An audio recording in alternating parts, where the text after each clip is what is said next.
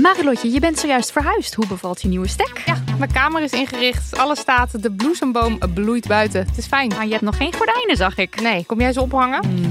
Maar het ding is dus, desondanks alles slaap ik als een koningin dankzij mijn matras van Emma Sleep. Een prinses zonder ert ben jij. Al leg je een ert onder mijn matras, ik denk niet dat ik er last van heb, want het is een hemelsding. En dan heb ik ook nog mijn Emma Diamond Pillow. Jouw slaapkamer is een slaapparadijs. Wil jij dat nou ook? Ga naar emma-sleep.nl en daar vind je moederdag sale met kortingen die oplopen tot wel 50%. En met de code DAMNMONEY aan elkaar uh, komt daar nog eens 10% extra korting bovenop. Bla bla bla bla bla bla. Bla bla bla bla. Idealen zijn prachtig, maar woorden verliezen betekenis als je niks doet. Dus laten we met z'n allen wat minder praten en meer doen. Bij Agmea zijn wij vast begonnen. Zo gaan wij voor minder verkeersslachtoffers, gezonde werknemers en duurzame woningen. Waar ga jij voor? Kijk op www.werkenbijagmea.nl Dag leuke mensen hier in de zaal, thuis de was aan het opvouwen, op de fiets of in de trein. Welkom bij Damn Honey.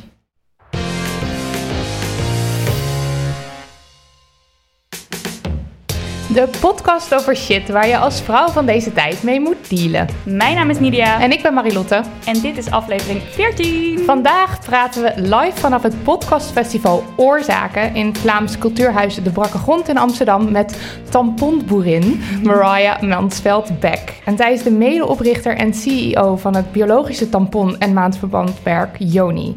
Mariah probeert met haar merk het taboe op menstruatie en praten over vagina's te doorbreken. Welkom En- Mariah. Bovendien Dankjewel. ook co-auteur Oh ja. van het boek Van V tot Vulva, eh, dat bij uitgeverij Pluim is verschenen. Ja, super fijn dat je vandaag bij ons eh, wil komen kletsen over menstruatie. Nou, ik heb er zin in. Lovely. Lovely. Eh, Ja. We gaan het straks uitgebreid hebben over bloed, eh, over jouw producten eh, en over alle ideeën en taboes rondom menstruatie. Maar nu eerst, Nidia, wat is het minst feministische wat je hebt gedaan of gedacht Ja. deze week? Ik had een hele heftige week. Ik heb heel veel heftig nieuws gekregen. Echt vervelend nieuws over ehm, gewoon hele zware thema's. En ik zat met een vriendin te praten over een van deze thema's. En ik had mijn been zo over mijn schoot heen. En ik zag dat ik allemaal beenhaar op mijn been had. En toen ging ik dat dus verbergen met mijn hand eroverheen. Terwijl we het letterlijk... Echt, we hadden het echt over onderwerpen waar... Je moet het niet over beenhaar... Je moet daar niet over nadenken op dat moment. Het staat maar. niet in verhouding. Nee, het stond niet in verhouding. En toch ging ik een beetje zo... Nou, het verbergen. Marilotte. Eh, nou, wij hadden het een paar dagen geleden over ehm, landen waar geen belasting wordt geheven op eh vrouwenhygiëneproducten. Ehm, dus tampons en maandverband. En het eerste land dat, Nidia had dat even uitgezocht, het eerste land wat Nidia noemde was Kenia. En mijn eerste reactie was, Kenia, dat, alsof, alsof dat onmogelijk was dat dat zo was. Dus dat was een beetje een soort van hele overtrokken reactie. Dat kan nooit de Wester... Nou, ja, dat Ja. was hem. Mariah. Ja, ik heb een dochtertje van eh 3,5. eh, of nou, niet 3,5, die is bijna 4. En we gaan zondag haar verjaardag vieren. En toen merkte ik in een gesprek met een vriendin dat ik zei van... Oh ja, als die jongetjes dan komen, dan wordt het wel echt heel erg druk. Dus meteen een soort van Oh, oordeel, oordeel. over wat er het verschil is tussen jongetjes, Jongetjes en meisjes, meisjes. ja. Ja. zo gaat dat. Ja, we willen het ook even aan de zaal vragen. Eh, zijn er mensen hier die iets durven eh, te zeggen over het minst feministisch? Hebben we hier een hand die omhoog gaat? Hallo, hoe heet je? Hoi, Manon. Hallo Manon. Hallo. Ehm, nou, jullie kennen Temptation Island wel, denk ik. Oh, ja. Jazeker. Eh, en Sydney. Eh, volgens mij de vriend van Demi, is dat? Ik kijk het niet, dus oh, nou ik ja, ken het maakt het niet alleen. uit. Maar ik zag een, ik zag een eh, Instagram-foto van hem in, eh, zeg maar, yoga pants. En toen vond ik het gelijk heel belachelijk dat hij eh yoga pants aandeed, om dat zo te showen, terwijl ik zelf ook gewoon yoga pants aan doe. Dus eigenlijk is het best wel erg dat ik dan zeg dat mannen dat niet mogen. ja, Ja. hier ging ook nog een handje als je hem door wil geven. Hi, Hallo, hoe Hallo, heet wat je? is je naam? ik ben Lotte. Eh, en ik had gisteren met collega's een gesprek over feminisme. En toen kwam het van hun een beetje naar voren, zo van ja, ik eh, vind dat maar niks, want die hebben dan okselhaar en stinken dan. Dat ik echt dacht van oké, wow. Eh, dat ik ook zei van ja, dat is toch wel een beetje door de media, zeg maar, voor jullie gefabriceerd, zeg maar. En dan toen ja, ja, ja. En uiteindelijk toch best wel een goed gesprek gehad. Maar dan heb ik toch vanochtend met een soort van roestig mesje met gevaar voor eigen leven de oksels geschoren. Want ik dacht, ja, het wordt toch warm. Misschien eh, doe ik dan toch wel een t-shirtje aan of zo. Ja. Eh, maar ja, dat had op zich niet gehoeven als ik het dan doe, omdat dat eh, gisteren nou het gespreksonderwerp was. Ja. Herkenbaar. Ja. Is er ook achterin nog iemand? Nog iemand? Die, handje? Nee? Dan gaan we door naar eh, post. Post. Ja, post. Eh, dit keer was het geen vraag, maar een boze mail die we kregen van onze gewaardeerde luisteraar Xannelie. En die boosheid was trouwens niet gericht op ons, maar op bouwmarkt Hornbach. Ja, ik lees het even voor. Hoi lieve meiden van Honey. Ik zou graag een grote frustratie met jullie delen. Komt-ie. Er kwam net een reclamespot voorbij van Hornbach over de geur van het voorjaar. Gaan er hier al belletjes rinkelen bij mensen of geen idee? Oké, ze gaat het nu uitleggen. Het begon met witte mannen, middelbare leeftijd, behaard in de tuin, fysiek werk aan het verrichten. Denk aan slow-mo shots van mannen die in de tuin werken, lichaamshaar, mannelijkheid, ja toch? Dan zie je ze hun shirts en onderbroeken uitdoen en van zichzelf afscheuren, terwijl er twee mannen in witte lapjassen staan met een technologisch apparaat. Uh, in het apparaat landen de vuile kleren die vacuüm verpakt worden. Dan verandert het shot naar een vending machine. Ja, dat is zo'n automaat die je op een station vindt met cola en snoep erin. En uh, die machine die staat in een, een Aziatisch land. Uh, waar een Oost-Aziatisch uitziende vrouw de vuile onderbroek uit de vacuümverpakking haalt. Ze opent de verpakking, haalt diep adem en kijkt tevreden. En vervolgens verschijnt de zin: Zo ruikt het voorjaar. Dit haalt het bloed onder mijn nagels vandaan en ik vind het dus echt niet grappig. Eh, dankjewel, Xanderlie. Ik kan me hier echt heel goed in inleven dat je hier heel kwaad voor wordt. Ja, we gingen de reclame bekijken. Um, want toen we, het, toen we de mail lazen, dachten we: hè, wat? wat? Maar nou ja, letterlijk wat, wat er in de mail staat, gebeurt in de reclame. Het is gewoon echt zo bizar als dat wat er staat. We hebben hem ook een paar keer moeten bekijken, gewoon om, om, om het te snappen wat er nou gebeurde. Van wat de fuck. Nou, je ziet dus alleen maar witte mannen aan het werk in de tuin, dus, uh, en die extreme uh, mannelijkheid. Er mag wel een vrouw in beeld, maar dus alleen als ze aan de onderbroek van een man ruikt en bovendien haar hoofd in haar nek gooit en haar ogen wegrolt van genot. Het is echt duidelijk een pornografische referentie die gemaakt wordt. Ze wordt geseksualiseerd. Ja, en bovendien hier wordt een andere cultuur weggezet als een soort rariteitenkabinet. Dat gekke Azië waar ze zo hard werken dat ze het voorjaar alleen kunnen ervaren door aan een onderbroek te ruiken. Het is echt het is heel erg bizar en denigerend. Ja, en zoals Xannelie dan zelf nog schrijft... Uh, als Oost-Aziatische vrouw vind ik dit reclamespotje zeer beledigend... en krijg ik dagelijks te maken met stereotypering, racisme en seksisme. Het stereotype rondom Oost-Aziatische vrouwen is alles behalve grappig. Ik ben ondaan na het zien van deze reclame... en zou graag een verklaring slash motivering willen... voor onder andere de keuze in casting en algemene gedachten van deze reclamespot. Nou, dat is een stukje uit de mail die zij naar Hornbach heeft gestuurd. En wij zijn zelf ook uh, in de pen geklommen. En we kregen een reactie terug. Uh, maar die reactie... Ja, die viel nogal tegen. Of die was nogal leeg. Ja, het was namelijk geen inhoudelijke reactie op de vragen die we stelden. Het was gewoon een uitleg van de reclame. Nou, en de, de dingen... Ik ga even voorlezen wat ze dan zeiden. De campagne geeft een explosie aan voorjaarsgeuren weer. Ook de geur van het klussen. Deze geur, geur, zit in uw kluskleding, ook in uw onderbroek. Maar hoezo uw? Want je, je stuurt nu een mail naar twee vrouwen. Dat Ja. is, nou, Op een Hornbach bekende en krachtige manier vestigen we zo met een knipoog de aandacht op het klussen en dat wat er bij onze klushelden speelt. en onze klushelden, dat zijn dus blijkbaar geen vrouwen. Japanners zijn harde werkers en houden van stevig ontspannen. Oh ja, vertel ons meer over deze bijzondere cultuur met die rare gewoontes. De snoepautomaten met gedragen ondergoed bestaan daadwerkelijk in Japan. Ja, en die hebben we dus even opgezocht. En dit zijn geen fijne machines. Dit, zijn, eh, dit, is, ja, dit is porno. Eh, de machines, eh, daar staan foto's op van jonge vrouwen met zwarte balkjes over hun ogen. En ze worden waarschijnlijk gebruikt door middelbare mannen van middelbare leeftijd die een, een fetish hebben. Ehm, maar ja, dat is natuurlijk een veel minder aantrekkelijk beeld dan wat Hornbach hier probeert te zeggen. Horndag sp- speelt hier ludiek op in met de echte klusgeur die de dame opsnuift. De geur van het voorjaar. Maar serieus, echt in, in die reclame, ze komt bijna klaar. Het is, Ja, en ze komt dus klaar van de geur van een onderbroek van een witte man. ja, Bovendien, oké. Eh, de betonnen en sombere omgeving van de stad waar, je de vrouw, waar de vrouw woont... symboliseert het verlangen naar natuurlijke geuren... zoals de heerlijke geuren van het voorjaar. Ja, want die Japanners die hebben natuurlijk geen idee wat voorjaar is. Ja, nou, Dus wat hebben we gedaan? We hebben nog een mail gestuurd. Geen reactie.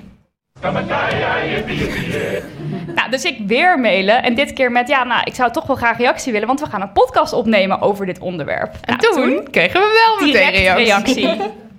Eh, overigens kreeg Sannelie... Ja. overigens kreeg Sannelie dus niet nog een reactie, hè? Terwijl zij dus ook nog een mail heeft gestuurd. Nou, deze reactie die zei... We communiceren met respect. We willen allerminst mensen of groeperingen discrimineren. We maken iedere campagne een doordachte keuze... hoe we onze boodschap met respect kunnen overbrengen. Van seksisme is geen sprake. Het enige wat we doen is de wereld met enige vorm van absurdisme... op humoristische wijze tonen.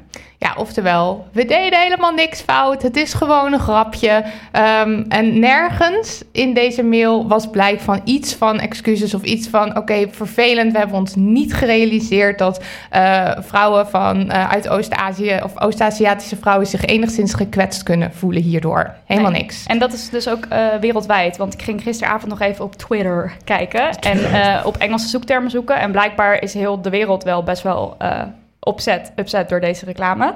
En eh Hornbach blijft maar reageren met... het is niet racistisch, het is niet seksistisch. Nou, Terwijl ze ook, dat is wel grappig, ze hadden ook verantwoordelijkheid gewoon kunnen voor kunnen Ja, nemen. Want wij ja. willen gewoon op het randje spelen. We weten dat het eigenlijk niet kan, maar wij willen gewoon eh, daarmee spelen en daarmee heel veel aandacht eh, krijgen. Want Ja, dat hebben hadden wel ze, ja, wat dan dat betreft heel goed gedaan, want wij hebben ja, het dat hebben ze over. zeker goed gedaan. Ja, en je ziet Maar, ook... maar dan moet je ook verantwoordelijkheid voor nemen. ja, En moet je het niet gaan lopen ontkennen of doen alsof mensen echt die reclame niet begrijpen. Dus ja. Ja, en eh, de eh, marketingman Maarten, die dus mij mailde nadat ik zei: Hoi, podcast. eh, die zei: We gebruiken vaak genoeg ook vrouwen in onze communicatie. We weten dat vrouwen ook klussen en daar hebben we net zoveel respect voor. Over stereotyperingen hebben we dan ook een jaar geleden een doortastende campagne gecommuniceerd om te laten zien hoe wij daarover denken. Nou, wij die, dat, die video kijken. En dit is dus een, eh, dit is een reclame waar je, die vrij sterk begint. Want het is een vrouw die, ehm, die beelden, die letterlijk stereotype beelden kapot slaat met een hamer. Ja, dus echt beeldhouwwerken, die slaat ze kapot met een sloophamer. Ja. En het eerste beeld wat je ziet is een heel groot vrouwenhoofd met daarop een man die duidelijk een zakenman is. Dus dat is wel heel cool. Van oké, die man die over, overstemt haar en zij smasht dat dat kapot. kapot. Dus Ja. dan denk je, oké Hornbach, dit vinden we best oké. Maar vervolgens... Ja, kwam er de- komt er dus ook een beeld eh, van een vrouw die heel glamorous gekleed is. Met allemaal handjes waar glamorous dingen aan hangen. Dus het is een hele jurk, ja, typisch beeld van een vrouwelijke vrouw. En die slaat ze ook aan stukken. Terwijl je dan kan denken, maar er is helemaal niks daar, mis daarmee. Oh, Nee. En ze slaat ook nog een beeld kapot van een roze sneeuwwitje. En op de achtergrond hoor je dan ook een giechelend meisje op het moment dat ze dat doet. En dat is gewoon niet nodig. Want vrouwen die van klussen houden, die kunnen ook prima van Disney houden, van glitterjurken houden. Eh, vrouwen hoeven niet meer man te worden, Hornbach. Dus eigenlijk willen we zowel de voorjaarsreclame als eh, deze uh, sloophamerreclame bestempelen als...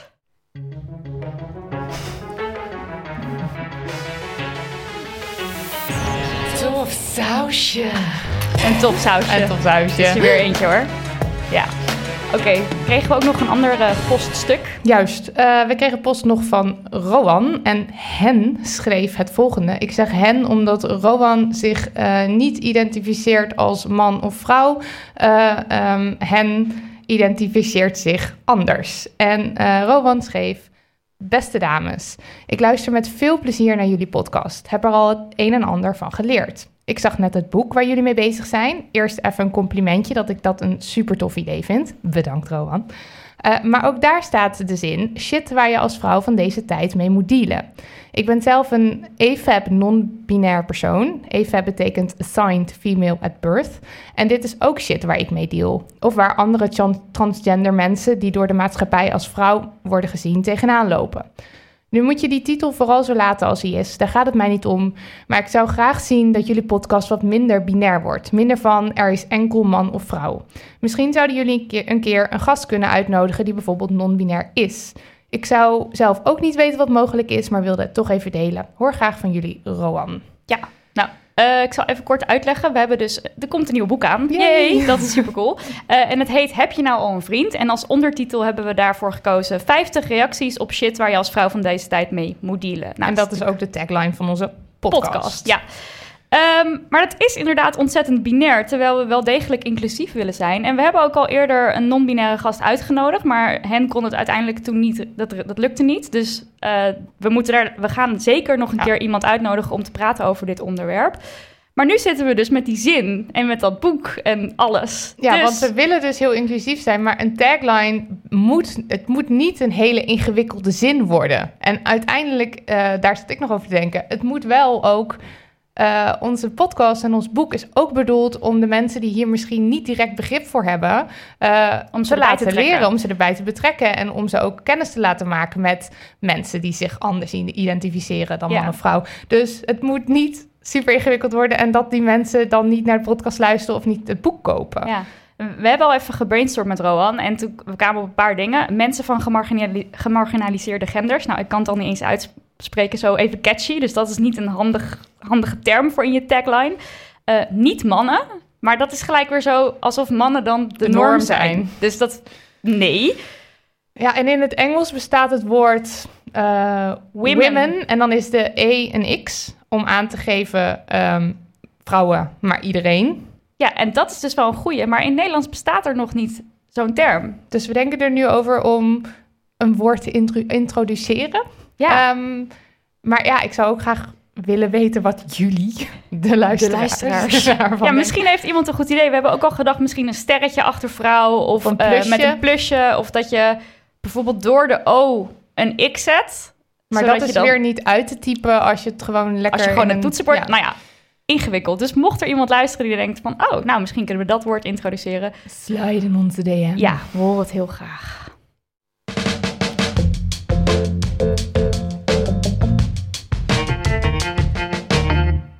Ja, we moeten het even hebben over menstruatie. Yay. Jee! Daarvoor hebben we hier een tamponboerin zitten. Ik ben helemaal weg van dat woord. Ik ga, Dat woord heb je zelf Ik ben heel geïntroduceerd. blij dat ik mijn tuinpak heb aangedaan vandaag. Oh, dit is helemaal in stijl. Eh, het leek me wel goed om misschien eventjes eh, te beginnen met onze, onze eerste ongesteldheidservaring. Ehm, want ik zat een beetje terug te denken en eerlijk gezegd kan ik me dus nog wel de angstaanjagende aanloop er naartoe herinneren. maar dus niet meer daadwerkelijk het moment dat ik voor het eerst ongesteld werd. Want ik, ik kan me bijvo- bijvoorbeeld nog heel levendig herinneren dat ik in het keukentje stond ehm, van de basisschool. En dat ik met een paar klasgenoten stond te praten die al wel ongesteld waren. En die hadden het echt over, oh, en dat bloed, dat loopt dan langs je benen. En ik was echt doodsbang. Ik had er geen zin in. Ik wilde het niet. En ik zag er echt tegenaan tikken. En op een of andere manier is dus het daadwerkelijke moment dat ik het voor het eerst... Dat is echt compleet uit mijn, uit mijn geheugen verdwenen. Dus ik weet het niet meer. Ik zit met jullie. Ja, ik, ik weet het nog wel. Eh, ik moest ook even teruggraven hoor. Maar aangezien ik nou ja, iedere dag ongeveer de afgelopen zes jaar met het onderwerp bezig ben, Ja. eh, ben ik op een gegeven moment wel tot die herinnering weer gekomen. Ehm, maar ik zat er, eh, ik wou dus graag ongesteld worden. Ah, Eh, oh ja, dus heel in. anders. Ja, nou, zin weet ik, maar ik wou erbij horen. Voor mij was het van, ik wil ook ongesteld zijn. Ik wil niet de laatste zijn of wat dan ook. Eh, dus ik wil ook ongesteld zijn. En ik weet nog dat ik dus in het begin een heel klein beetje bloed had telkens. Al weet je, maandenlang af en toe.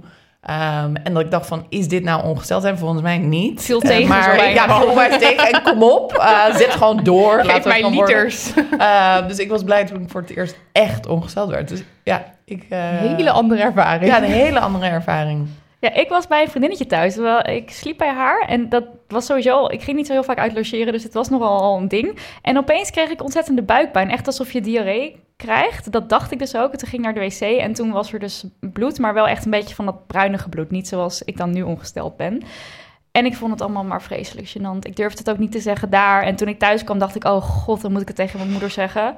Nou, ik het zeggen. En toen was het... Oh, kind! En toen ging ze me knuffelen en zo. En dat vond ik allemaal vreselijk. En er zat gewoon heel veel schaamte bij mij omheen. En ik vond het helemaal niet chill. Ik vond het niet leuk. Ik keek er niet naar uit. Niks. Ik was denk ik 13 of zo. 14, 13. Ja, het, Ja. Is ook, het is echt zo raar. En, maar ja, als ik terugdenk aan de eerste jaren ongesteld en aan, aan de jeugd, aan mijn jeugd en wat ik toen gebruikte. Ik, ehm, bij mij is het echt één grote hel geweest. Gewoon het hele ongesteld zijn, zowel op eh, volgens mij einde volgens mij einde basisschool en middelbare school. Ik was afhankelijk van maandverband. Ik kreeg tampons er niet in. En het was echt zo verschrikkelijk, want je voelt het lopen. Ik was ook stevast, kwam ik dan thuis van school en dan was ik weer doorgelekt. En, en ik, ik vond het echt, echt de hel. Ja, misschien goed voor de luisteraars om te weten dat jij dus echt mega ongesteld wordt. Ja, maar dat wist ik dus ook niet dat dat zo is. Want dat is ook pas iets van de laatste jaren. Waar, waar, want de meeste mensen zeiden, ah nee, je stelt je aan of zo. Ja, want je weet niet wat normaal... Er gaat niemand op een gegeven moment zeggen van, dit is normaal. Ja, Nee. En dit is precies ook waarom we deze boek hebben geschreven. Van als je er niet over praat, Ja, dan weet je dus niet wat normaal is. En dan gaan dus best veel vrouwen denken van ja, dit is gewoon, eh, dit hoort erbij. Eh, Mhm. terwijl als je dan met elkaar praat, dat je zegt van nou, volgens mij is dit helemaal niet normaal. En zou je misschien kunnen gaan kijken eh, of er andere oplossingen zijn. Of dat je tenminste weet van hé, hey, ik ben iemand die daar gewoon wat extra aandacht voor aan mezelf moet geven. Of wat dan Ja, ook. ja, precies. ook qua mood swings en zo. Dus los Ja. van het heftige bloeden, er komt natuurlijk heel veel bij kijken. Ja. Eh, maar bij jou was het, want jij, je had dan een tampon lukte niet, dus dan gebruikte je maandverband en dan Ja, en dat zat dan ook wel niet vol, maar dat liep er dan zo langs. Oh, Dus het was altijd, als ik dan terugfietste van, van school, dan wist ik gewoon al, nou, als ik straks van de fiets afstap, dan is sowieso mijn hele zadel rood. En dan, eh, maar goed, dat nam ik dan maar voor lief op de terugweg. Ja. Ehm, op de heenweg was echt, echt, nou, stress gewoon om Ja. naar school te fietsen. En ja, het, nou, ja nee, ik deed ook altijd de leuk. truc met een, eh, een vestje omknopen. Ik weet niet of mensen dit... Ja, ik zie al een paar mensen zo knikken. Zo van, oké, ik ben opgesteld, je weet niet. Terwijl ik dus eigenlijk, vergeleken met jou ben ik heel medium, ja, niet zo heftig. Dus het was niet zo dat ik de hele tijd extreem aan het doorlekken was. Maar zo eng. Of als je dan bij iemand thuis had, was die dan een witte bank had. Ja, of gewoon Echt de stof. horror. Ja, Of stof, ja. Of een auto waar je dan in moest gaan zitten. Maar Zoveel het stress gewoon wat je- Zoveel, ja, dat je daar dus rekening mee moet gaan houden. Ja. In de dagen voordat ik ongesteld werd, dacht ik al shit, ik word ongesteld. En nou, wa- wat heb ik op de planning? Welke, waar moet ik heen? Moet ik op de fiets? Eh, en ook wel echt soms gewoon eh, dat ik ehm, halverwege de dag opstond van een, van een eh, stoel eh, op school. En dat ik dacht, oh fuck, nou ja, rood, wegvegen, ding om en naar huis dan maar. Ja, vreselijk, ja. Ja, Ja, ik had ook op het begin... Mijn moeder die kocht alleen maar maandverband voor mij in het begin. En dat vond ik echt... Ugh, ik, ja, sorry, ik vind, ik vind maandverband nog steeds zoiets... Ik vind het niet fijn, echt niet chill. En een van de scherpste herinneringen die mij bijstaat uit mijn middelbare schooltijd... is dat ik ging bowlen met vrienden. En dat is mijn maandverband zo omhoog... Ja, ik zie al handjes voor de mond verschijnen in de zaal. Mijn maandverband was dus zo omhoog gekomen. En dat toen mijn vriendje zo van... eh Lydia, Oh my god, ik kan nog de schaamte hieromheen gewoon door heel mijn lijf voelen. Ehm, en ik ben dus op een gegeven moment zelf tampons gaan kopen. Ik durfde dat dus ook niet aan mijn moeder te vragen. Eh, en dat heb ik toen, op een gegeven moment toen dacht ik, ja, ik wil nu mee zwemmen, want mijn vrienden gingen zwemmen. Dan moet ik wel tampons, toen ben ik het zelf gaan halen. Maar er zat bij mij dus heel veel schaamte omheen. Ja, grappig, maar ook mijn moeder die had juist een soort van... je moet alleen maar tampons gebruiken. Oh, en ik ja. had precies hetzelfde. En in het begin lukte dat Nee. gewoon niet. Toen Mhm. zei mam, alsjeblieft mag ik gewoon maandverband. En eh, uiteindelijk met, ehm, Ja, eh, met een inbrenghuls. Ja. eh, Oh ja. Dat ging dan wat makkelijker. Maar ja, ik maar vind ik dat heel grappig bocht hoe, ook gewoon niet. Die ook je moest... hoe je ouder daar heel bepalend is. Ja. En wat voor producten je dus meekrijgt. Want ik, eh, mijn moeder was dus echt helemaal pro-tampons. Terwijl ik nu zou zeggen... Van, het is echt wel beter om s'avonds eh geen tampon te gebruiken. Ja. Als in Ehm, s'nachts. Ja, als in s'nachts. Maar dat Eh, zou ik bijvoorbeeld niet redden. Ja, ja, maar dan is het wel echt belangrijk om me dus wel echt op tijd eh, eh, ehm, te verschonen, et cetera. Want het is niet bedoeld om, S'nachts te dragen. nee, om langer dan acht uur of zo te dragen. Dat is echt Mhm. niet de bedoeling. Nee. Ehm, het kan ook gevaarlijk zijn. Ja. Dus, eh, en ik, ja, mijn moeder heeft zoiets helemaal niet aan mij meegegeven. Want zij is van de generatie dat tampons ineens opkwam en veel meer vrijheid gaven. Dus zij Ja, was echt ja. super blij ermee. En helemaal pro-tampon begrijp ik nu wel. Maar ik denk van, oh ja, het is wel de nuance van eh, producten die je gebruikt en hoe je het gebruikt. En hoe je het gebruikt. Want ik ging dus mijn maandverband door de wc flushen. En toen, dat werkt niet. Ja, ik wist dat dus niet. En toen zei mijn moeder van, dat, je moet dat niet door de wc spoelen. En ik zo, ja, oh ja, hoe, wanneer leer je dit soort dingen? Je Ja. moet het vertellen. En hetzelfde wat jij nu zegt van, ja, tampons moet je niet langer dan acht uur dragen. Hoe weet je dat als 15-jarig meisje? Nou, ik had wel echt horrorverhalen gelezen over dat eh, toxic shock syndroom, hoor. Ik was doodsbang dat ik dat zou krijgen. Het was echt... ik ben echt een hypochondrix. Weet je, kan je daar iets over vertellen, over dat eh, Ja, TSS? Ja, TSS is als je... Het is door een... En, en nu ben ik niet de medicijn. Ik heb ik ook nog geen koffie op vanochtend. Dus ik hoop dat ik het goed vertel. Heeft die maar, koffie? Maar eh, eh, eh, eh, je hebt een bacterie en die heb je, kan overal op zitten. Eh, je kan TSS dus krijgen... Ook al gebruik je helemaal geen tampons. Mhm. Eh, Ook als eh, man kan je het ook krijgen. als man, Ja. ook als kinderen eh, kan allemaal. Ehm, maar het is wel vaak in verband eh, gezien met het gebruik van tampons. Omdat eh, je dan een soort van milieu creëert waarin het zich kan vermenigvuldigen en tot een probleem kan leiden. Dus Ja. als je ehm, een tampon gebruikt en je wordt ineens heel heftig ziek, en da- daar is ook een waarschuwing op ieder pakje moet dat. Mhm. Van als je koortsig wordt en eh, je kan het niet verklaren en je hebt misschien uitslag en nou, het zijn mm, misselijk. er zijn allerlei verschillende, ook een beetje vage Hmm. verschijnselen. Ehm, en dat kan echt uitlopen tot iets heel ergs. Is wel belangrijk om te zeggen van hé, hey, ik gebruik ook tampons. Maar het gebeurt niet vaak. Het is niet iets wat. eh, wat Nee, maar als het gebeurt, dan komt het meteen in het nieuws en is iemand een been kwijt en, of nou, dood. en anderzijds eh, weet ik niet hoe vaak het in eh, het nieuws eh, terechtkomt. Want ze zeggen eigenlijk dat het waarschijnlijk wel vaker voorkomt, maar dan op eh, niet zo heftig. Dus niet dat je meteen een been kwijt bent, et cetera. En Dus dat het heel veel ongeregistreerd wellicht eh, eh, gebeurt. En daar is ook een heel mooi eh, documentaire ongeveer anderhalf jaar geleden in Frankrijk gemaakt. En het heet ehm, eh, Your Most Intimate Enemy. Kan je al volgens mij nog op YouTube ergens vinden. Ehm, en dat gaat over eh, TSS en eigenlijk de, nou ja, de eh, gebrek aan transparantie in de industrie van femcare en met tampons met name. Uh, van waar zijn die eh, eh, producten van gemaakt en wat is de effect op onze eh, gezondheid? Ja, ehm, Ja, dus precies. Want dan je- komen we eigenlijk ook bij het verhaal van Joni. Ja. Ehm, want ja, waarom ben jij Joni begonnen? Ja, nou, het was mijn, natuurlijk toen ik klein was, eh, was het mijn droombaan om uh, tamponboerin te worden. Uh, dus zodoende, nee, dat is niet iets waar je, uh, van je denkt van, oh, ik wil uh, een bedrijf een tampons hebben. Uh, ik wou, überhaupt eigenlijk helemaal niet in business belanden. Uh, dus ik heb heel lang voor Artsen zonder Grenzen gewerkt. Ik ben persoonlijk begeleider geweest. Ik uh, ben ook yoga-docent. Zo heb ik ook mijn eerste jaren uh, met Joni. Als je niks verdient, et cetera, als ondernemer... heb ik dat nog kunnen bekostigen en kon ik mijn huur betalen. Um, dus ik heb van alles gedaan, maar ben Joni begonnen. En eigenlijk is het zaadje daarvan geplant op een zondag. Nou, nee, eigenlijk veel eerder nog. Ik werd 30. Als je 30 wordt in Nederland, dan pas word je opgeroepen voor een baarmoederhalskankeronderzoek. Die brief ligt nog steeds bij mij op de tafel. Ik moet er iets mee doen. Ja, daar moet je zeker iets mee doen, want het is heel laat. Ja. Nederland is daar echt laat In mee. andere landen word je... andere landen word je vele malen eerder word je, uh, gecheckt. Oh, is Ja. dat zo? Ja, ja. En Oh. daarom is het echt belangrijk. Ik vind het ook echt belangrijk om aan iedereen mee te geven als je die brief krijgt. Ja, het is niet leuk. Ik heb ook Uh, anderhalf jaar onderzoek. gewacht. Ja, maar doe het. Doe het. Want um, het is iets wat eh uh, uh, baarmoederhalskanker wordt uh, veroorzaakt door de HPV-virus. Uh, als je seksueel actief bent, heeft bijna iedereen het een keer gehad. De meeste mensen kunnen het klaren, maar het kan dus een afwijkende pap veroorzaken. Um, en daarom is het wel belangrijk om dat op een gegeven moment te checken. En het is iets wat heel langzaam zich ontwikkelt. Dus heel veel mensen, als je er op tijd bij bent, is er niks aan de hand.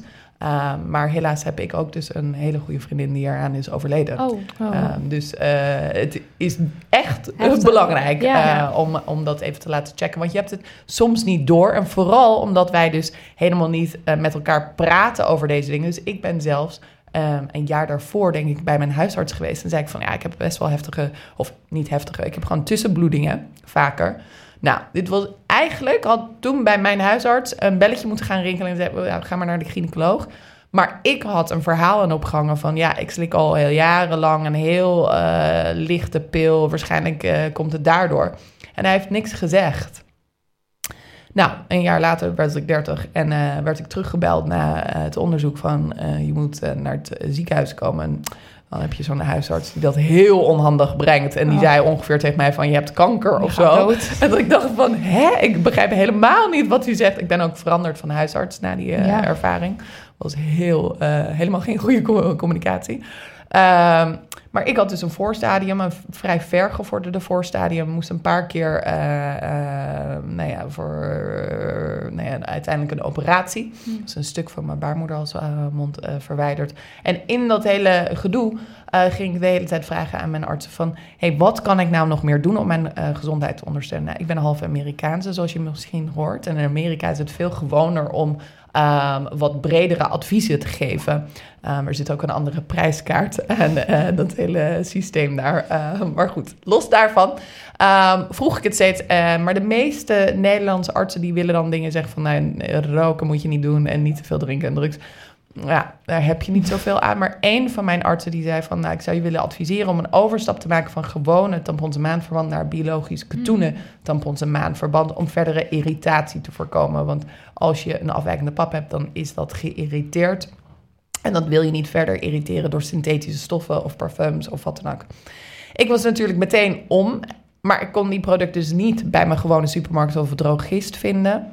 Want je ging de Ehm, verpakkingen lezen en dan dacht je van... Nee, nee, dat no- nog niet. Oh. Ik ging gewoon, eh, nou, ik moet die bio-dingen vinden. Eh, nou, we zien niks bio's. Eh, waar kan ik dat halen? Nou, bij de biowinkel. Dus bij sommige biowinkels kon ik het daadwerkelijk halen.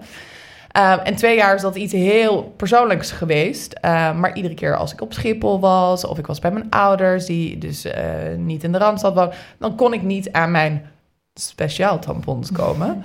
En ieder vrouw hier begrijpt dat eh, speciaal tampons en een speciaal winkel halen vrij onhandig is. Ja. Eh, en zo op een zondag regende het, moest ik omfietsen naar die ene speciaal winkel die dan open was.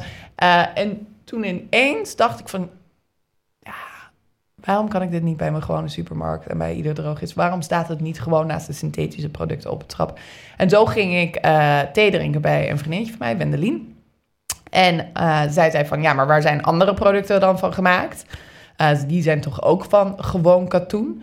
En eh, toen pakten we haar doosjes er daadwerkelijk bij. En toen viel het ons pas op van... hé, hey, er staat helemaal niets op mijn doosje tampons... gewone tampons of maandverband. Nou, heel gek, want voor ieder ander verzorgingsproduct... of het nou je tandpasta is, je zeep, je crème, je shampoo... noem het maar op.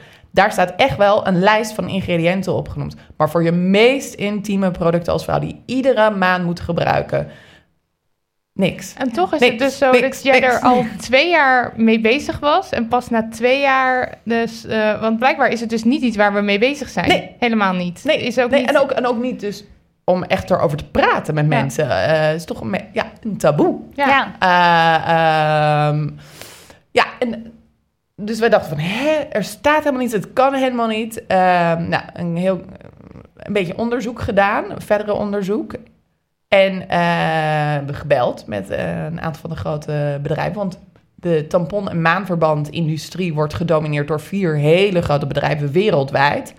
Dat zijn de Procter Gamble's, de Johnson Johnson's eh, van deze wereld. Hebben wij mee gebeld. Nou, kreeg ik gewoon geen goed antwoord waar die, waar die producten van gemaakt waren. Er was gewoon geen script voor. Ja, moet ik even naar kijken. Nou, eh, hele vaagheden. Dat is denk ik eh, ondertussen wel wat veranderd. Nou, ik ging gisteren naar ob.nl en dan heb je dus de categorie veelgestelde vragen en dan kom je op een pagina waar niks staat. En ik kon het dus niet vinden. Ik dacht, dat als het ergens staat, dan moet het daar staan van waarvan is mijn tampon gemaakt. Maar het was er niet. Volgens mij, eh, maar weet ik niet, als je echt twintig keer doorklikt, Dan kom je misschien wel Ja. op een soort pagina waar er iets over staat. Ehm, maar ja, het is, het is nog steeds belachelijk weinig Ja, en een ja. onwijs gebrek aan informatie naar de consument toe. En waar we later eh, eh, ehm, eh, van bewust werden, is dat op EU-niveau ehm, vallen tampons en maandverbanden onder algemeen productregelgeving. Wat betekent dat er dus geen specifieke regels wat er wel of niet in mag zitten. En wat er wel of niet op het doosje eh, vermeld moet worden. Is dat dan een beetje in de categorie wc-papier of zo? Eh, ja, gewoon van een stoel of een. Ik weet. Ja, of- Gewoon, gewoon daarvan hoef je dus de inhoud niet te weten, want het is gewoon een spul. Iets Het wat is gewoon veel. eh, bijvoorbeeld voor babyproducten, cosmetica, eten. Daar zijn allemaal specifieke regels voor. Ehm, dat valt niet onder algemene productregelgeving. Medicatie, Uh, maar tampons en maandverband vallen onder algemene productregeling, wat zot is. Ja, echt, Echt gek. idioot. Um, dus wij hadden op die zondag, zonder dit allemaal nog te weten, hadden wij zoiets van, nou, we gaan, we, we- we gaan hier wat aan doen. Eén, als wij het niet weten, als wij het niet weten, dan eh, weten waarschijnlijk heel veel vrouwen dit niet. Dat was gewoon even een assumptie. En uiteindelijk, nou ja, nu na zoveel jaar weet ik zeker dat dat wel een juiste eh, aanname was toen. Nee, van, we willen het verhaal gaan delen, maar we dan, willen dan ook gelijk een biologisch katoenen optie op die gewone schap krijgen naast de synthetische producten. Ehm, en toen hebben we, nou ja, dat idee, ik weet, ik had het nou, eergisteren over met een aantal van mijn teamleden nu. Ehm, ehm, ik kan die dag dat ik dat idee kreeg, kan ik me helemaal tot in detail, weet ik die dag nog. En Terwijl alle zondag? dagen daarvoor en daarna weet ik gewoon echt niet meer eh, in de waas. Maar die dag kan ik echt heel goed, heb ik hem nog in mijn herinnering. Ehm, en het is me, dat idee heeft mij niet meer losgelaten. Gingen dus in de avonduren gingen we ging Excel sheets maken met eh, weet ik veel dingen over tampons en maandverband. Ehm, en na zoveel maanden onderzoek hebben Wendelin en ik besloten van we gaan ons baan opzeggen en we gaan dit doen. We gaan hier werk van maken. Ehm, nou ja, en daar is Joni uit En voortgekomen. nu liggen jullie er dus. Ja, ja en dat is al dus, die andere Ja, werken. en dat was dus heel erg gaaf. Eh, ehm, niet heel makkelijk om een bedrijf op te zetten. Ook niet een fast-moving consumer good, wat tampons en maandverband is, sowieso eh, echt lastig. Ehm, dus het heeft even geduurd. Moet je onderzoek doen, moesten we financiering, moet je een bedrijf oprichten, moet je van alles doen, een Hoe brand. lang, hoe lang liggen jullie nu in de winkel? Ehm, bij, de ethos, bij de ethos liggen we sinds oktober 2015. En wij waren in oktober 2014 zijn we een eh, crowdfunding begonnen. Ehm, en daar hadden we de slogan Chemicals are not for pussies. en eh, bedacht door een vriend van ons in een appgroep. Eh, en we hadden een, een bureau waarmee we een beetje hadden samengewerkt. Die vond het zo leuk. Die heeft ons een billboard cadeau gegeven toen. Ehm, waar dat op stond twee weken. was heel, heel leuk. We hebben heel veel media-aandacht gekregen. Omdat we, nou ja... ehm, ik dacht, we werden eh, de hele tijd benaderd door soort PR-bureaus. Hartstikke duur. Ik wist niet precies wat ze deden. Dus ik heb gewoon in het begin dat helemaal zelf gedaan. In twee dagen lang heb ik 200 mails gestuurd naar iedereen met als tagline eh, van chemicals are not for pussies. Nou, dat werd heel goed geopend, blijkbaar. Eh, heel veel media-aandacht en echt een verandering teweeggebracht. Aan het einde van die crowdfunding belletje gekregen of een mailtje van de, van de ethos. En toen wij dus op het schap van de ethos kwamen, was de eerste keer in Nederland sowieso, in heel Europa en misschien wel de wereld, dat een biologisch katoenen product naast de synthetische zou staan. En dat is nu veranderd. Katoen en biologisch katoen is hier te stay. Het is niet, denk ik, een trend. Er gaat echt wat veranderen in de industrie. En dat is wat wij eh teweeg wouden brengen. Dus daar ben ik. Super cool. Heel cool. Super cool. en jullie, eh, behalve dat jullie dus de producten eh, nu in de schap hebben liggen, zijn jullie ook bezig met het taboe doorbreken. Want over taboe las ik in jouw boek. eh, dat het woord, kan je daar iets over vertellen over waar het woord taboe vandaan komt? Ja, ja, eh, ik werd gevraagd eh, een hele tijd geleden om een praatje te doen over taboes. En toen ging ik nadenken van, oké, wat zijn taboes dan? En dan, het woord taboe is blijkbaar afgeleid uit het Polynesische eh, taal, geloof ik. En betekent niet alleen taboe, maar menstruatie daadwerkelijk. En ik probeerde dan achter te komen van wanneer is de taboe rondom menstruatie, hoe is dat ontstaan? Nou, en, eh, dat weet ik nog steeds niet precies, maar mijn uitleg en mijn begrip daarvoor is menstruatie werd gewoon heel lang niet begrepen. Werd, eh, ik bedoel, we wisten überhaupt, we weten nog steeds niet heel, hoeveel, heel veel dingen in ons lichaam en in de geest werken. Uh, maar toen der tijd wisten we de basis uh, uh, niet. dus er werd niet de cyclus van de vrouw en dat de menstruatie daarmee te maken, dat was gewoon onbekend. Dus dat je dan bloeden, alle vrouwen bloeden of zo, dat was, werd gezien als gek. Maar oké, iets wat je niet begrijpt, kan aan de ene kant soort magisch krachtig, maar aan de andere kant uh, potentieel heel gevaarlijk. um, dus laten we maar allerlei regels bedenken om dat potentieel gevaar uh, te verminderen. En ja. zo zie je in bijna alle grote religies um, dat er regels zijn of waren. Uh, waardoor vrouwen uh, beperkt waren in, uh, in hoeverre zij deel konden uitmaken van wat dan ook als ze ongesteld waren. Ja, dus een ja. paar paar dagen in de maand. En ik las in je boek zelfs in sommige geloven twee weken, geloof ik wel. Ja, Gewoon buitengesloten van de maatschappij. Want je bent ongesteld of je was vorige week ongesteld. En dan nog ben je niet oké om mee te doen. Daarmee plaats je vrouw echt buiten eh, de maatschappij. Ja, ja, ja, zeker. Ja. En eh, eh, wat doen jullie zo al om het taboe te proberen te doorbreken met Joni? Ja, nou, grappig genoeg. Ik bedoel, we hadden wel natuurlijk door dat... Oh ja, dit is een onderwerp dat niet vaak besproken wordt. Maar het is niet iets wat in het begin bij mij, denk ik, zo eh, duidelijk was. Van, oh, we gaan nu een taboe doorbreken. maar het was meer van, oké, wij vinden dit echt helemaal... eh, ik kan er gewoon niet bij dat dit aan de hand is. Dat we in deze wereld, waar je allerlei biologische muesli's kan kopen, geen fucking biologisch katoenen tampons en maandverband kan kopen. Ehm, en dat er nul transparantie is in wat er in die andere producten zit. Hoe gek is dat? Ehm, ehm, hoe gaan we dan eh, een, een merk lanceren? Want we, er waren dus wel andere opties die ik in mijn speciaalwinkel kon vinden. Maar voor mij, ja, waren een beetje geitenwolle sok. Om het Ja. maar gewoon heel even stereotypisch eh, te zeggen. Ehm, ehm, en sprak het niet. En voor mij is design eh, ehm, is iets... Dat is communicatie. Dat is een manier om te communiceren. En eh, ze zeggen altijd: een beeld zegt meer dan een duizend woorden, zoiets. Eh, en dat, daar geloof ik ook in. Dus het is ook belangrijk hoe iets eruit ziet. En wij konden helemaal niks vinden, inspirerends vinden in de industrie zelf. Dus al die merken en iedereen kent ze, eh, de reclames met witte leggings of eh, blauwe vloeistof. Blauwe ja. Daar was zoveel ruimte om het anders te doen. Dat maakt het super leuk en creatief. En eh, eh, eh, ja, dat was, ja, dat is helemaal te gek. Ehm, en vandaar zijn wij begonnen. En ja, later zeiden mensen: Oh, jullie zijn een taboe aan het doorbreken. Omdat je gewoon het anders benadert, dingen benoemt. Dat wij op ons verpakking de woord menstruatie en vagina zeggen. Dat, dat is dan iets eh, heel eh absurds, eigenlijk eh, nieuws.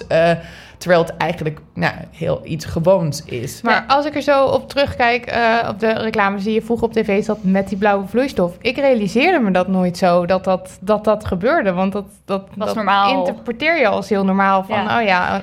En ik las ook dat in 1987, geloof ik, voor het eerst het woord period in een reclame gebruikt werd. Ja, en Daarvoor heel werd het er omheen gepraat. Nou, en heel lang mocht er, er geen reclame van zijn. Net zoals dat er geen reclame van sigaretten of wat dan ook eh, op tv mogen. eh, mocht er dus geen reclame zijn eh, van deze producten. Dus weet je, het is allemaal ontstaan vanuit die taboe-sfeer. eh, wanneer de religie ook een heel groot, eh, een veel grotere deel uitmaakte van de maatschappij. En van eh, eh, hoe dingen in elkaar zaten. En dat is doorgegaan. En op een gegeven moment dus de komst van commercieel maandverband zoals we het kennen, eh, is gekomen met een eerste golf van feminisme eigenlijk. eh, dat vrouwen meer buiten het huis eh, eh, wouden en moesten gaan Maar werken. even voor de, voor de beeldvorming, dat is, dat is ongeveer 100 jaar geleden, toch? Ja, Of niet? niet eens zo lang geleden, nee. Ja, dus, dus de- iets wat in principe dus heel normaal is, waar we altijd mee te maken hebben, dat, dat is pas sinds 100 jaar kunnen wij als vrouwen naar buiten treden, ondanks dat we ongesteld zijn. Ja, of we hadden andere manieren. Ik bedoel, daarvoor waren ook wel vrouwen die het moesten. Maar dan had je dus manieren om ermee om te gaan. Met lappen of wat dan ook. Maar allemaal niet suboptimaal, eh laten we het zo stellen. Dus bij de komst van commercieel maandverband heeft ons heel veel vrouwen dus heel veel vrijheid gegeven. Uh, maar tegelijkertijd heeft die industrie gelijk op ingespeeld op de taboe. Dus ze Ja, zeiden van, goh, er is een probleem en wij hebben de oplossing.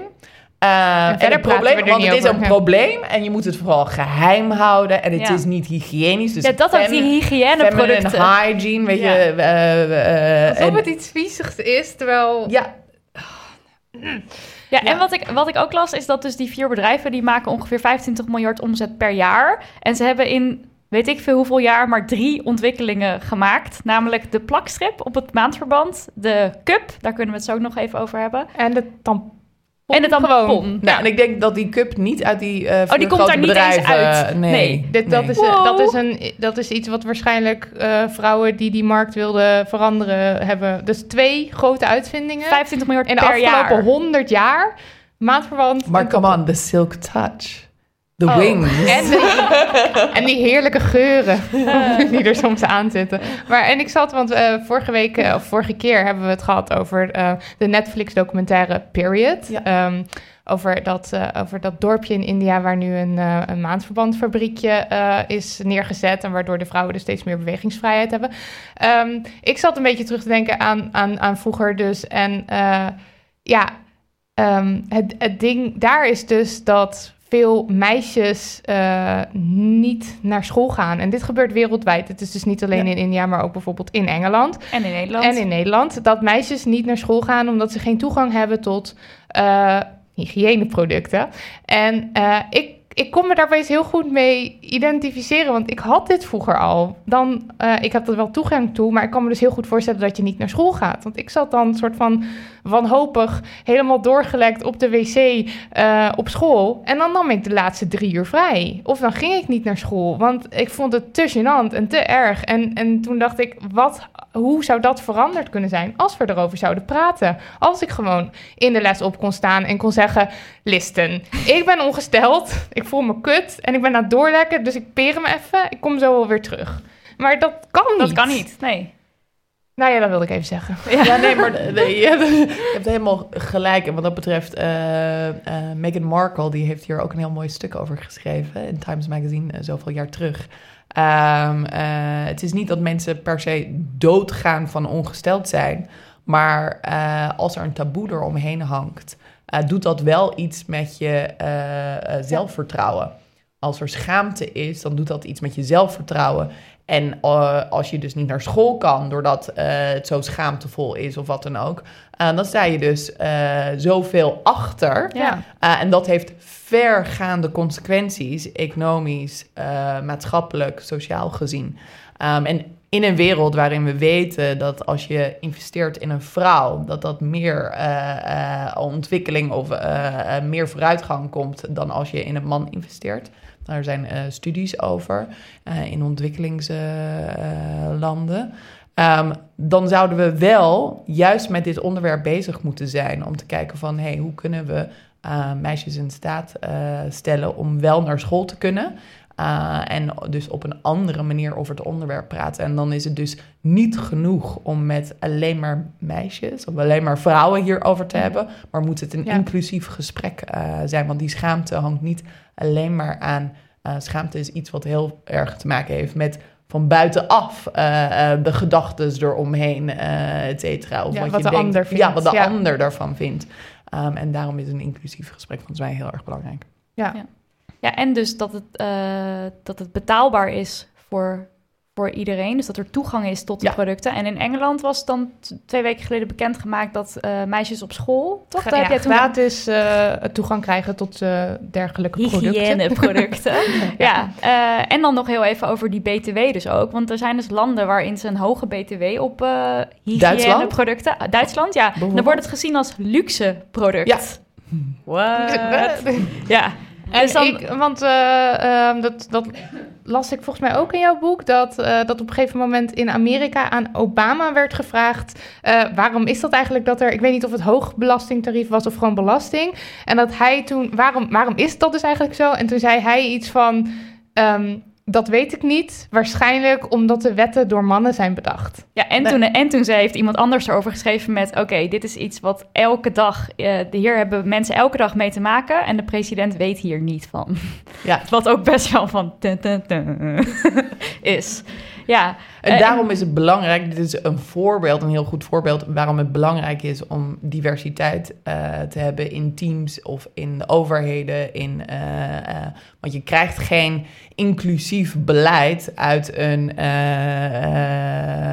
Mannen Ja, mannen. Ja. Ja. En blijkbaar dus ook geen vernieuwingen, want dat is dus ook al in 100 jaar niet gebeurd. Terwijl er nu, op dit moment, dat ik, zijn er natuurlijk wel veranderingen gaande en zijn er alternatieven of nieuwe alternatieven alleen op maandverband en, en tampons. Want, nou ja, jij gebruikt de cup. Ja. Jij bent Ik ga even fan. een lofrede afsteken over de menstruatiecup. De menstruatiecup changed my life. Ik kwam er, eh, wat is het, drie jaar geleden of zo? Kijk even naar Daniel, want toen Daniel in mijn leven kwam, kwam ook de cup. Drie, vier jaar geleden. Ehm, was ik een beetje aan het googelen. En toen zag ik opeens die cup. En die was toen nog nergens. Ik krijg nu de hele tijd eh, advertenties op Facebook. Maar toen was het nog best wel een beetje onbekend.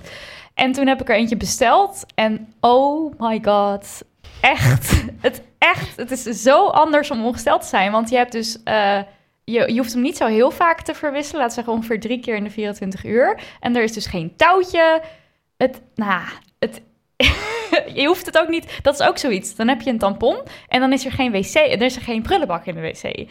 Waar laat je hem dan? Die stress daaromheen. Dat is er dus allemaal niet meer. Want je hebt gewoon een cupje. Oh, trouwens, laat ik even uitleggen wat het cupje is voor mensen die dat helemaal niet weten. Het is gemaakt van siliconen en je kan het een beetje opvouwen. En dan kan je het dus in je vagina stoppen en dan plopt het uit. En dan heb je dus gewoon een opvangbakje. Eh, dat kan je er vervolgens weer uithalen. Je moet er even op oefenen, maar ik ben echt fucking skilled erin tegenwoordig. Ik kan dat heel makkelijk en heel roeren. snel. Eh, ja, je kan hem zo een beetje plop en dan is hij eruit. En dan kan je hem gewoon weggooien, omspoelen, er weer in. En hats, daar ga je weer. Niks aan de hand. Nou, dit is echt... It changed my life. Ik En- heb jou er ook aan gekregen. Ja, toen jij twee jaar geleden in mijn leven kwam, toen hielp jij mij aan de cup. Nou, nu is het nog steeds zo dat die cup niet eh, voldoende is voor mij. Want ja, hè, mega ongesteldheid. Je hebt ook de grote versie. Ik heb, ja, ik heb de grote versie, maar ik heb ook door de cup dus kunnen meten hoe ongesteld ik dan precies word. Want Ja. dat heeft, niemand heeft enig idee. Volgens mij is de gemiddelde eh, eh, hoeveelheid is van 60 milliliter tot 120 milliliter of zo. Nou, ik zit daar boven. Dus het is, het is gewoon echt veel. Dat Ik is ook zoiets. Je komt veel meer in touch met Ja, je ongesteldheid. je weet wat er aan de hand is. Ja. Je weet, ja, weet hoe het zit. Nou ja, en toen was ik er dus nog niet met die cup. Alhoewel ik wel dus heel fan ben. Maar het was niet stressvrij. En toen heb ik Things ondergoed besteld. En dat is fucking briljant. dat is echt... eh, het is gewoon een onderbroek. Maar je kan erin bloeden. En eh, dat is echt eh, stressvrij. S S'nachts nu. Ik heb die cup in.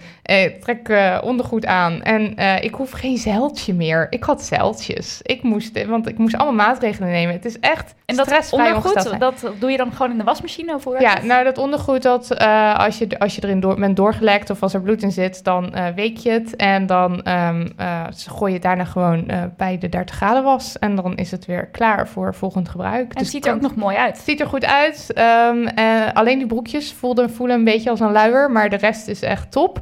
En, eh, en, dan, en, dan, en dan kan je gewoon weer door. En je investeert één keer, want het is vrij prijzig. Volgens mij betaal je zo voor een string 20 dollar en voor echt een, echt een Slip. zware slip betaal je zo 50 eh, dollar. Maar ja, ik heb één keer 200 euro eraan uitgegeven en ik doe er al een jaar mee. Dus ehm, nee, ik ben fan. Worth it.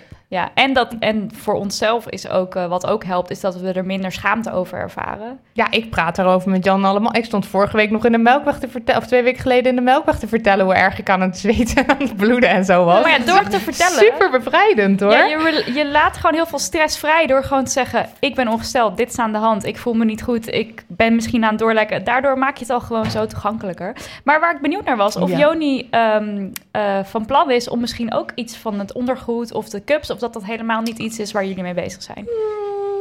Eh, Want overigens, de heb- cup is niet voor iedereen geschikt. Nee. Ik ken ook verhalen van mensen die het helemaal niet eh, fijn Nee, je hebt, je vinden. hebt eh, Dus- fans en je hebt Precies. mensen waarvan... mm, mm, Ja, precies. Dus het is ook niet dat ik zeg iedereen moet aan de cup, maar nou ja.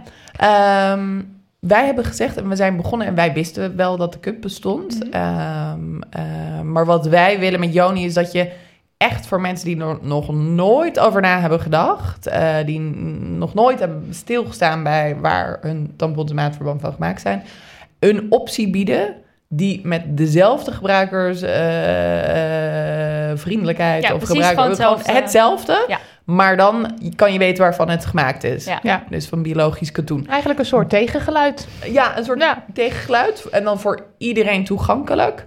En misschien dat we ooit in de toekomst iets anders gaan doen. Ik vind eh, vooral van Things vind ik zelf persoonlijk heel interessant.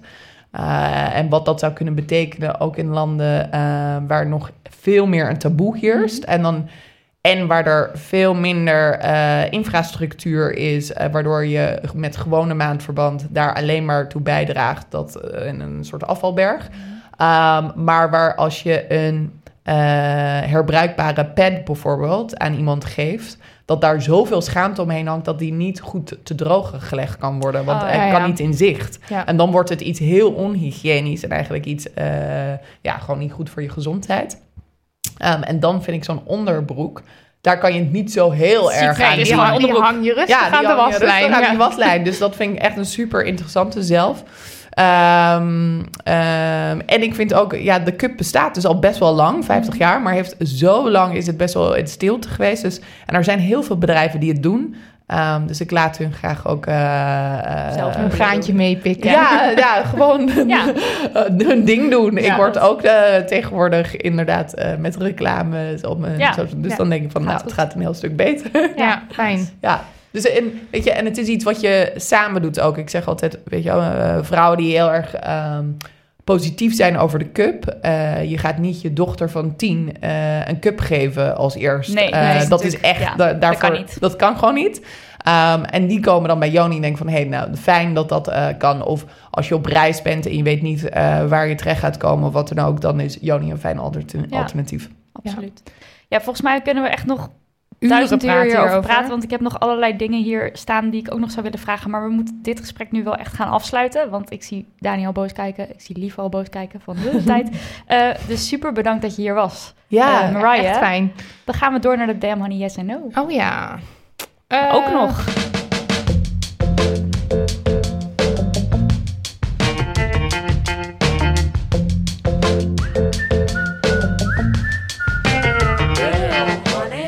Ja, Marilotte, jij bent de Damn Honey No van deze aflevering. Wat Ja. heb je gezien, gevonden? Gevonden, gedaan, gezien. Eh, ik, eh, of we, liepen mee met de Mars tegen Racisme. Dat was, was dat vorige week? Ja. hè? vorige week zaterdag. Eh, zaterdag 23 maart.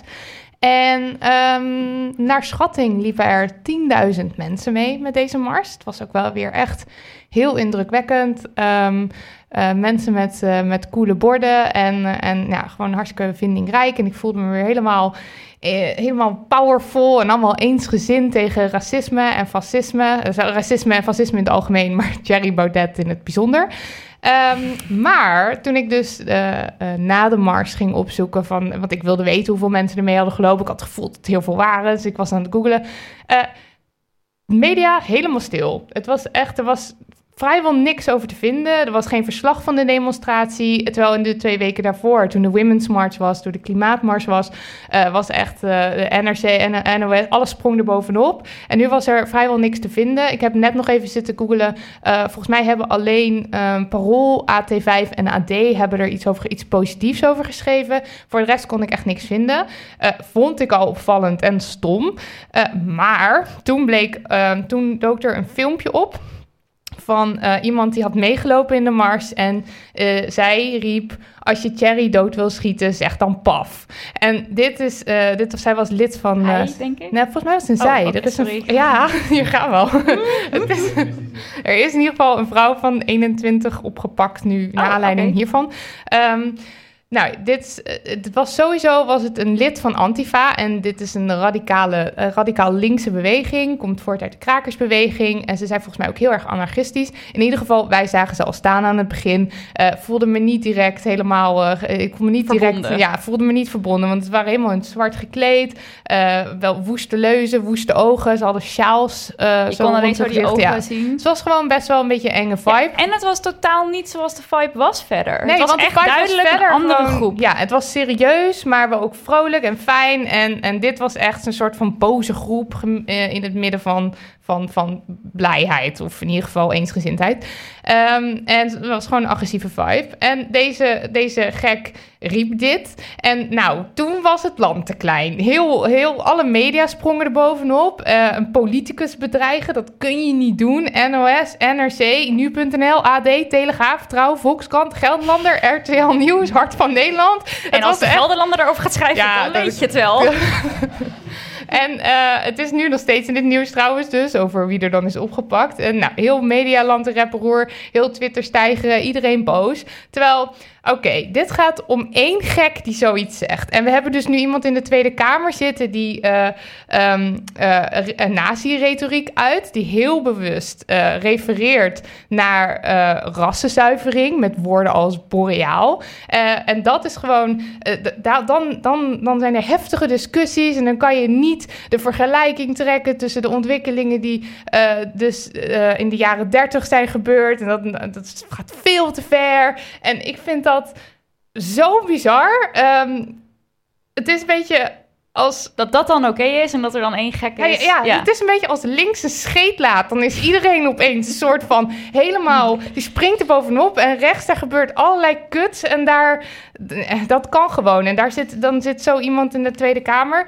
Dus ehm, ja... eh, eh, eh, ja. En op Twitter zagen we ook op Twitter zagen we allemaal vrouwen die echt super enge brieven hebben gekregen, linkse vrouwen. Ja, echt, met, echt heel echt- bedreigend. Maar nou, En, en, Ja. daar, en daar, daar... daar lees je niks over. Dat die vrouwen dat soort brieven krijgen waarin echt de meest gruwelijke verkrachtingen staan die hen zouden moeten overkomen. En nou ja, ook En doodsbedreigingen. dat is ook één gek. Ik neem aan dat ook niet heel recht zich daarmee kan identificeren. Nee, en, en dan, en dan is niet de heel de media die denkt... En "Oh, je had kan ook nog doen." Henk Westbroek, die dan ging zeggen van... en iedereen bij die mars was verantwoordelijk, want jullie konden het toch horen? We waren met 10.000 mensen. Ik heb niks gehoord en ik liep best wel in de buurt volgens mij. Het was een megastroom van Ja. mensen. Er zaten honderden meters tussen de voorste en de achterste. Natuurlijk weet je niet wat er speelt. Voor ons was het gewoon een hele fijne sfeer. En we hebben helemaal niks hiervan gemerkt. En dat dan zo'n Henk Westbroek gaat zeggen... en iedereen is verantwoordelijk. En dan moet je de politie of je moet naar huis. Het was echt heel bizar, Ja. overtrokken. En ik vind dit een echte damn honey no. Ja, oké. Dan Media. ik kom ik met iets gezelligs. Eh, nou, jullie hebben eh, vast wel meegekregen dat de bovengrondse eh, vorige zomer heeft gestrijd voor meer vrouwen op straat. En dat heeft dan te maken met de straatnaambordjes. Dus heel veel straten zijn vernoemd naar mannen. En in Putten gaan ze nu een hele wijk vernoemen naar allemaal krachtige Puttense vrouwen die daar iets cools hebben gedaan. Vet. Ja, ik vind het super vet. Eh, en ze gaan dus geen straatnamen veranderen, maar gewoon een nieuwe wijk ernaar vernoemen. En dan een kleine damn honey no van iets wat hier in Amsterdam gebeurt. Er is op Eiburg ook een nieuwe wijk. En dan komt er zo'n commissie. En die, Knor. die komt dan... heet het. Ja, hoezo heet dat eigenlijk Knor? Ik weet het niet, Nou ja. maar het heet Knor. Ja, het heet Knor. En eh, nou ja, dan hebben ze dus een hele nieuwe wijk die ze namen kunnen gaan geven. En dan komen ze weer uit bij Zeehelden, geloof ik. Nou, toen heeft Femke Halsema gezegd van... ja, dat gaan we dus niet doen. Toen kwamen ze met internationale muziek of dans. Dans, dansen. De merengue-straat of zo. Dat je ook denkt van, what? Ja, en toen... eh, dus Femke Halsema heeft toen weer gezegd van... nee, dat gaan we niet doen. Eh, en toen heeft ze ook gezegd van... desnoods gaan we die straten in eerste instantie nummers geven. Het kan me niet schelen. Jullie komen maar met iets nieuws. Ja, ik vind dat wel ook echt vet dat ze dan zich zo daarover Ja, uitspreekt. dat vind ik cool. En dat het dus zo ver gezocht is dat, dat er dus een, een nieuwe wijk naar vrouwen wordt vernoemd. Dat is dus niet, nou, Helemaal raar. Ja, nou ja. Ja, dit eh, was het dan. Dat hè? was het. Ja, lieve, lieve, leuke mensen. Dank jullie wel hier in de zaal. Dank jullie wel op de fiets of wherever je dit luistert. Het af, eh, eind van aflevering 14 is daar. Ehm, Ja, Mariah, veel dank dat je zo onmenselijk vroeg wilde opstaan op je vrije zaterdag. Zelfs zonder koffie ons zo goed te woord hebt gestaan. Graag gedaan. Eh, ja, je, kunt, ja. je kunt Joni volgen eh, op Instagram onder joni.care. En Mariah zelf natuurlijk ook. Haar Insta-naam is manifestingmariah. Eh, dank aan luisteraar van het eerste uur, Xannelie. Go, go, go dat je je uitspreekt. En Rowan, veel dank voor keeping us sharp. Bedankt Daniel van de Poppen, onze producer. En bedankt Lucas de Gier, die onze swingende tunes ooit componeerde. Zie jij iets, hoor jij iets, denk jij iets waarvan je vindt dat we het moeten weten? Schroom niet en slide in onze DM op Insta, damhoneyhetboek, of mail naar info. Er mist een bedankje naar Lieve van het Lieve, podcastfestival. dankjewel. Lieve, dankjewel. Oorzakenfestival, dankjewel. Eh podcastnetwerk, dankjewel. Steun ons door ons pamflet. Dat is gewoon een boekie te kopen. 6,50 via scheldma.nl. Geen verzendkosten. En voor 11 uur bestellen is morgen al in huis. Of geef een recensie via iTunes, die zitten we altijd gelukzalig en met tranen in onze ogen. En als je geld over hebt, mag je via Patreon steunen. Patreon.com slash damnhoney. Maar als dit alles je niet aanstaat, dan doe je het gewoon niet. Zelf weten. Dag lieve troetelkinderen. Bye Tot bye. later.